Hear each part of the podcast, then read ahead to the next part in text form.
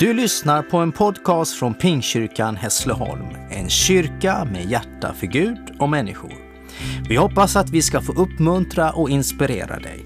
För att få mer information om vilka vi är och vad vi gör, gå in på pingstkyrkanhassleholm.se.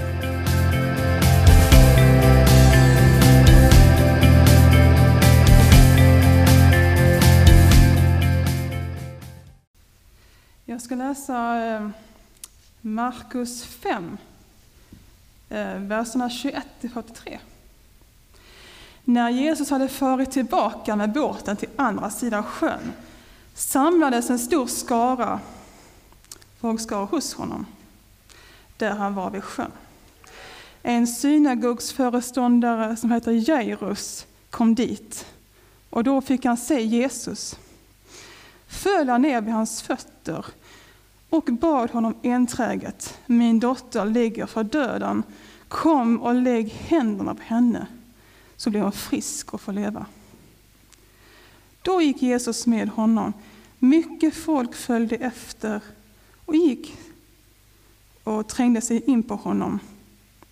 Där var en kvinna som hade haft blödningar i tolv år. Fast hon hade lidit mycket hos många läkare och lagt ut allt hon ägde hade hon inte fått någon hjälp. Det hade bara blivit sämre med henne. Hon hade hört talas om Jesus och nu kom hon bakifrån i folkmassan och rörde vid hans mantel.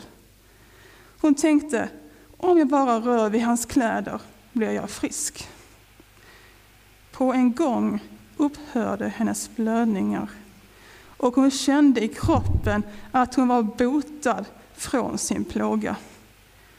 När Jesus märkte att det hade gått ur kraft från honom vände han sig om i folkskaran och frågade vem rörde vid mina kläder? Hans lärjungar sade till honom Du ser hur folket tränger sig in på dig och du frågar vem rörde mig? Han fortsatte att se omkring efter kvinnan som hade gjort detta.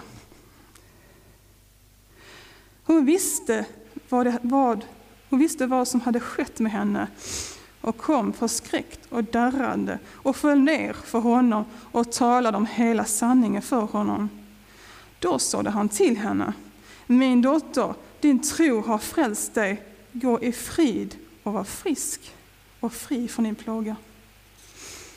Medan han ännu talade kom några från synagogsföreståndarens hus och sade, din dotter är död, varför besvärar du mästaren längre? Men Jesus fäste sig inte vid deras ord, utan sade till föreståndaren, var inte rädd, tro endast. Och han lät ingen följa med utom Petrus, Jakob och hans bror Johannes. Och det kom till föreståndarens hus. Där såg han en orolig skara som grät och klagade högt. Han gick in och sade till dem, varför skriker ni och gråter? Flickan är inte död, hon sover.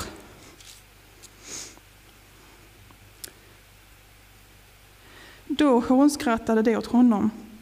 Men han drev ut allesammans, tog med sig barnets far och mor och sina egna lärjungar och gick in där barnet låg. Och han tog barnets hand och sade till henne, Talita kum, det betyder, lilla flicka, jag säger dig, stig upp. Genast steg flickan upp och började, omkring, började gå omkring. Hon var tolv år och det blev utom sig av häpnad. Men han förbjöd dem strängt att låta någon få veta detta. Sedan sade han åt dem att ge henne något att äta. Vad definierar ett liv? Vad är ett liv egentligen? Och vad är skillnaden på något som lever och på något som är dött? Ett hjärta som slår, en fungerande andning, Men det handlar ju också om, både i växt och djurriket, om tillgång till näring och till vatten.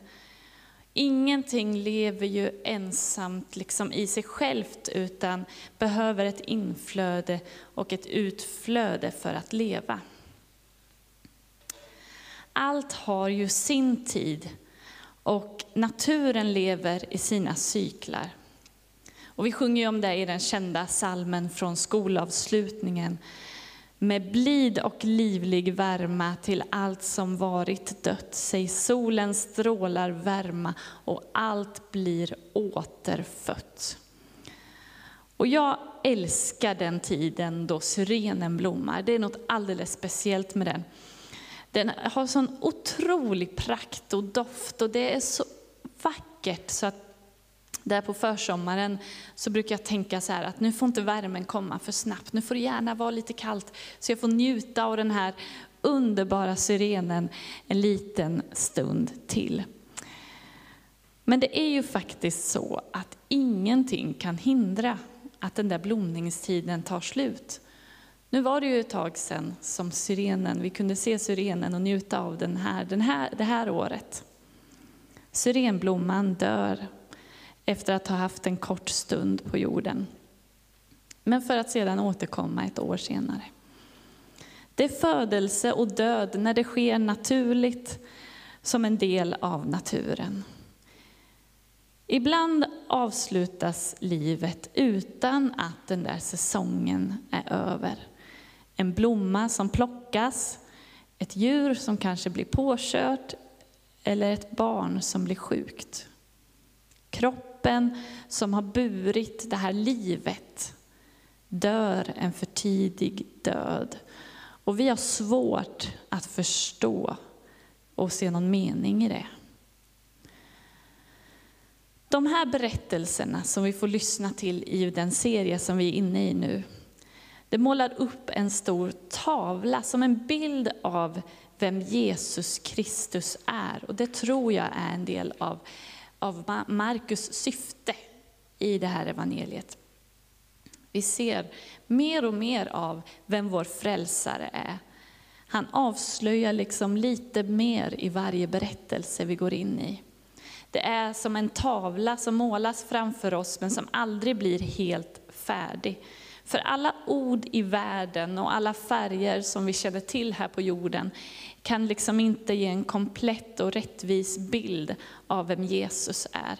Han ryms liksom inte i våra hjärnor eller i vår begreppsvärld.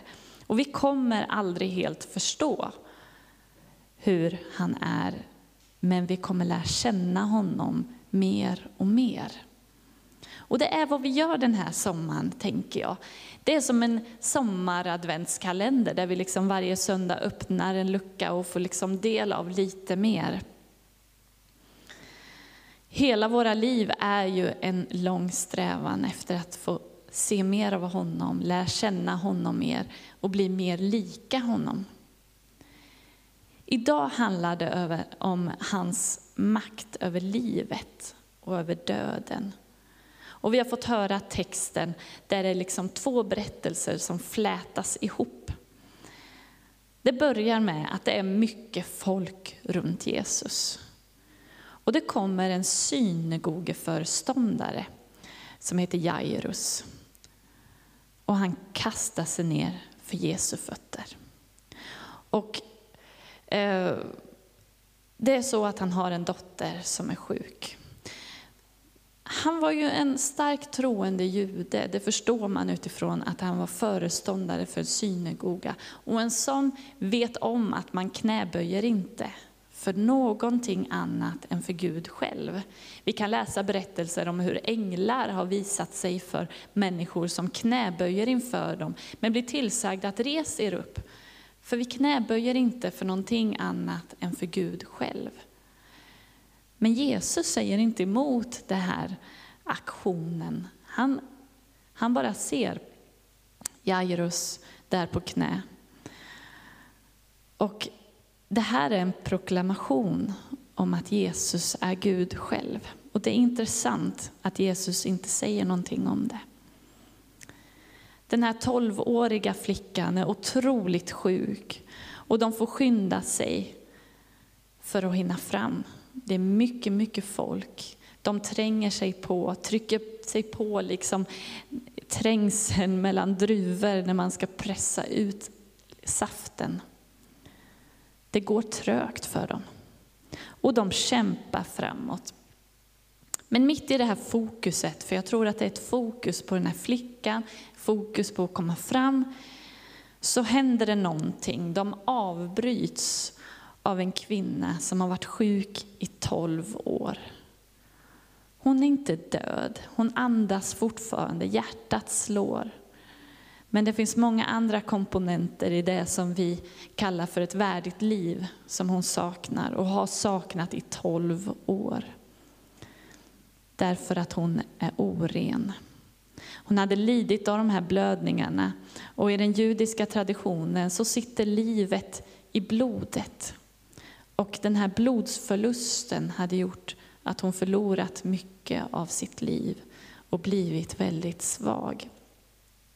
Och som oren så var hon också väldigt socialt begränsad.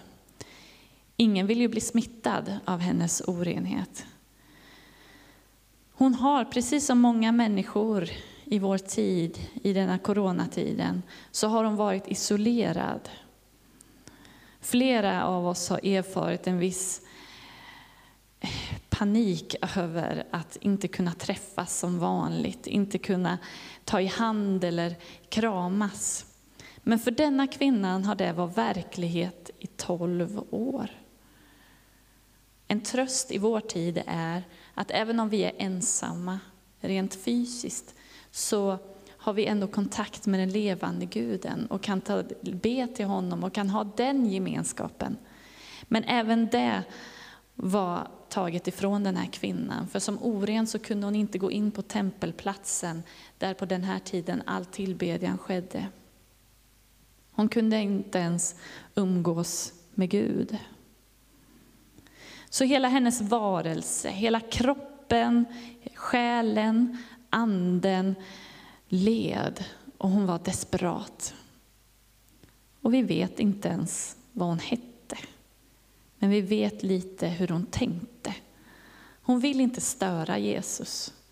Hon vill inte smutsa ner honom med sin orenhet. Men hon tänker att om hon bara, som vi har sjungit här innan, sträcker sig mot honom. Om hon bara kanske nuddar lite grann, det där yttersta, den där lilla fliken, tofsen på manteln. Så behöver ingen märka någonting. Men så har hon ändå försökt att komma nära Jesus. Och då händer det. Det som hon har väntat på i tolv år. Hennes kropp blir frisk. Och när jag tänker på det så tänker jag första reaktionen borde ju varit att resa sig upp, att ropa, att dansa och visa upp sig för alla. Kolla, jag är frisk! Men det är inte hennes reaktion. För precis som vi har konstaterat så var det ju inte bara kroppen som var sjuk. Hon hade varit sönder i tolv års tid. Och det hade gjort någonting med henne. Hon var sönder inuti och hon var livrädd över hur Jesus skulle agera. Hon har gjort någonting som hon inte får. Enligt lagen får inte hon som oren röra någon som är ren, för då ska även den bli oren. Jesus är inte i den här berättelsen aktiv i det som sker. Men det som sker, sker för att kvinnan sträcker sig efter honom och han märker att någonting sker. Och han stannar upp. Men det får han ju inte göra. Ni minns vart vi är på väg. Han har ju jättebråttom. Det är ju en 12-årig flicka som håller på att dö. Hon är absolut första prioritet. Det är inte okej okay att chansa. Men han stannar och undrar vem som rörde vid honom. En superdum fråga, säger lärjungarna. Såklart. Det är jättemånga som rör vid dig Jesus. Det är jättetrångt här inne. Vi kan liksom inte svara på om det är någon speciell som har rört vid dig. Men den kvinnan vet vem han pratar om. Och darrande så kastar hon sig inför honom ner vid hans fötter. Ännu en gång proklameras att Jesus är Gud. Min dotter, din tro har frälst dig. Gå i frid och var frisk från din plåga. I Jesu ord så får hon ett fullständigt upprättande. Dotter, han bekräftar henne med ett släktskap till den levande guden. Hon får del av frälsningen.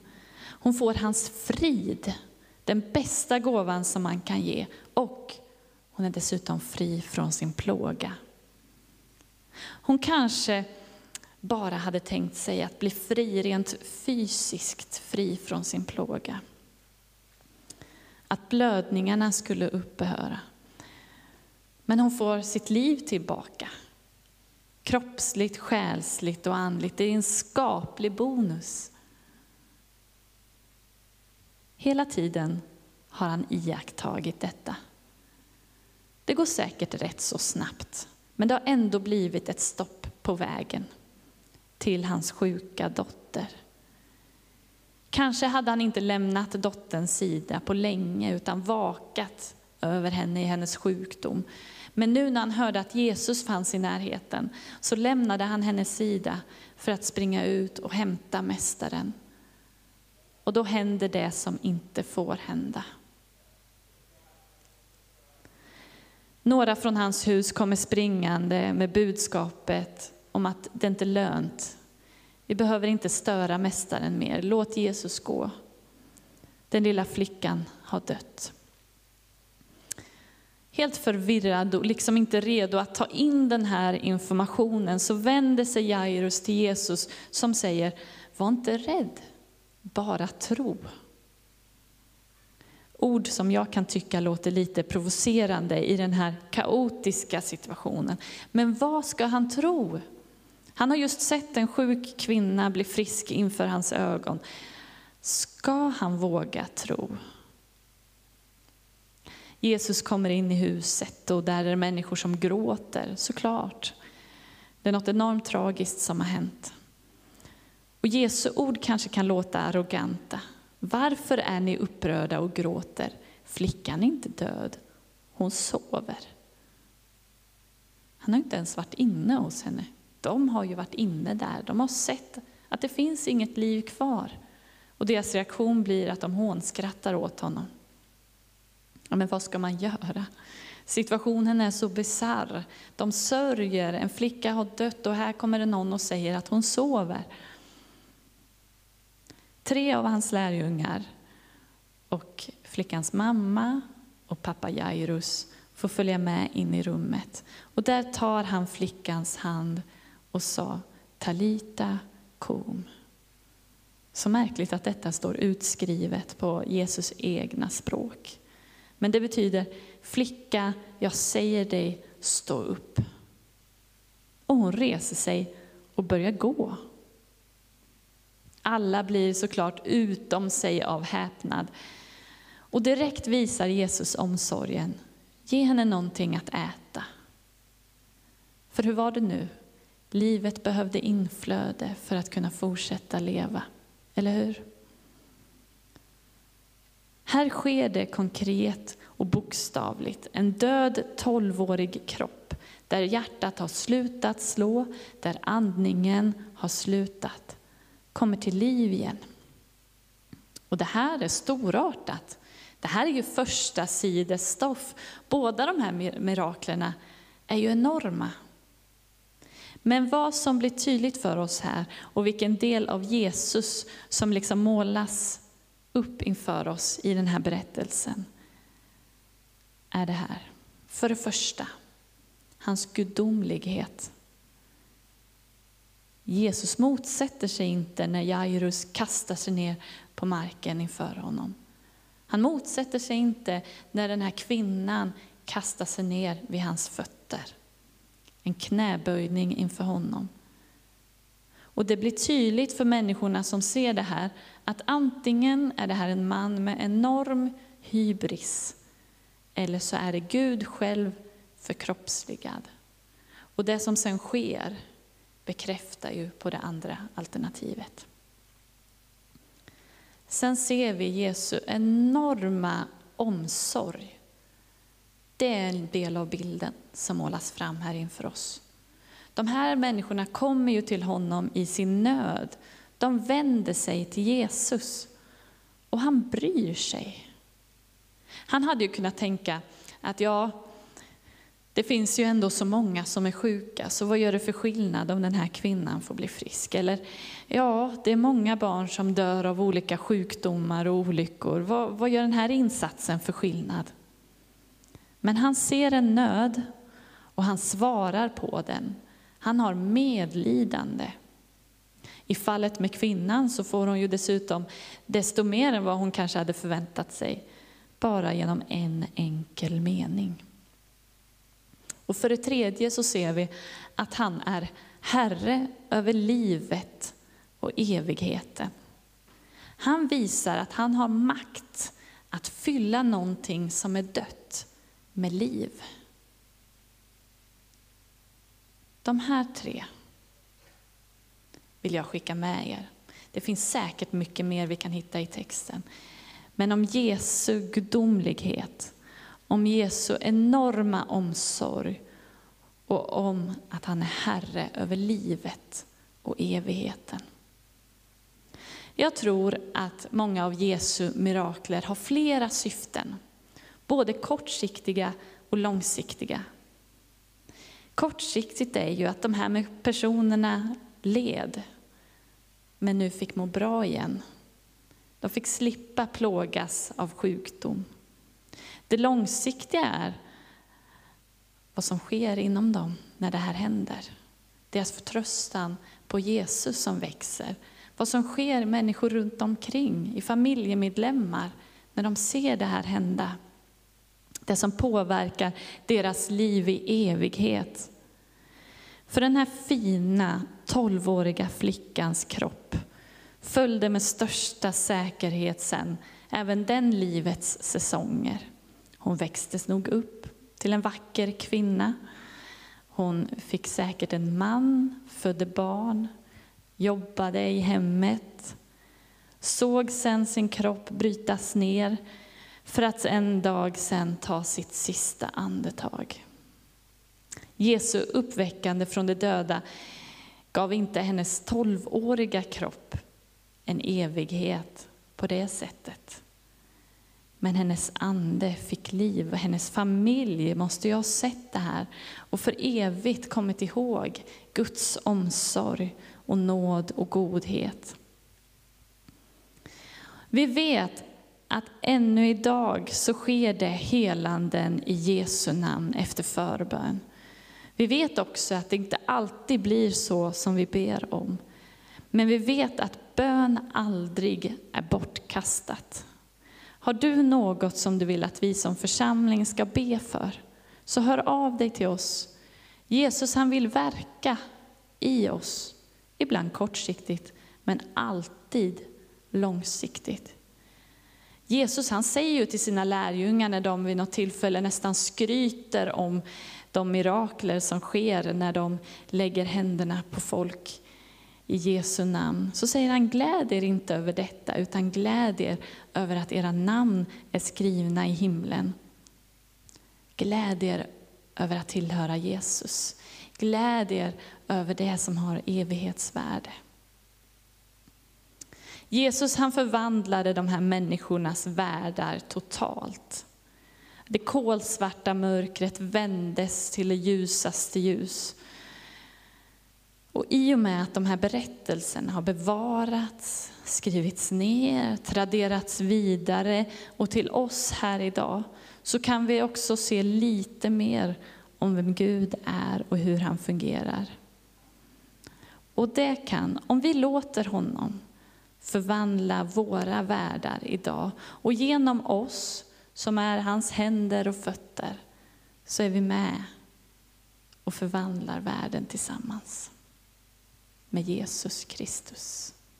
Amen.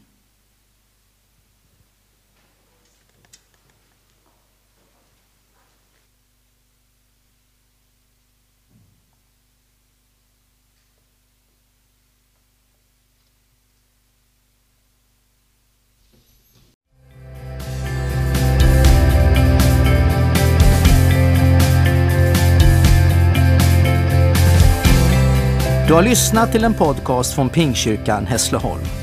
Om du vill veta mer om vår kyrka och verksamhet, gå in på pingstkyrkanhässleholm.se. Varmt välkommen till oss.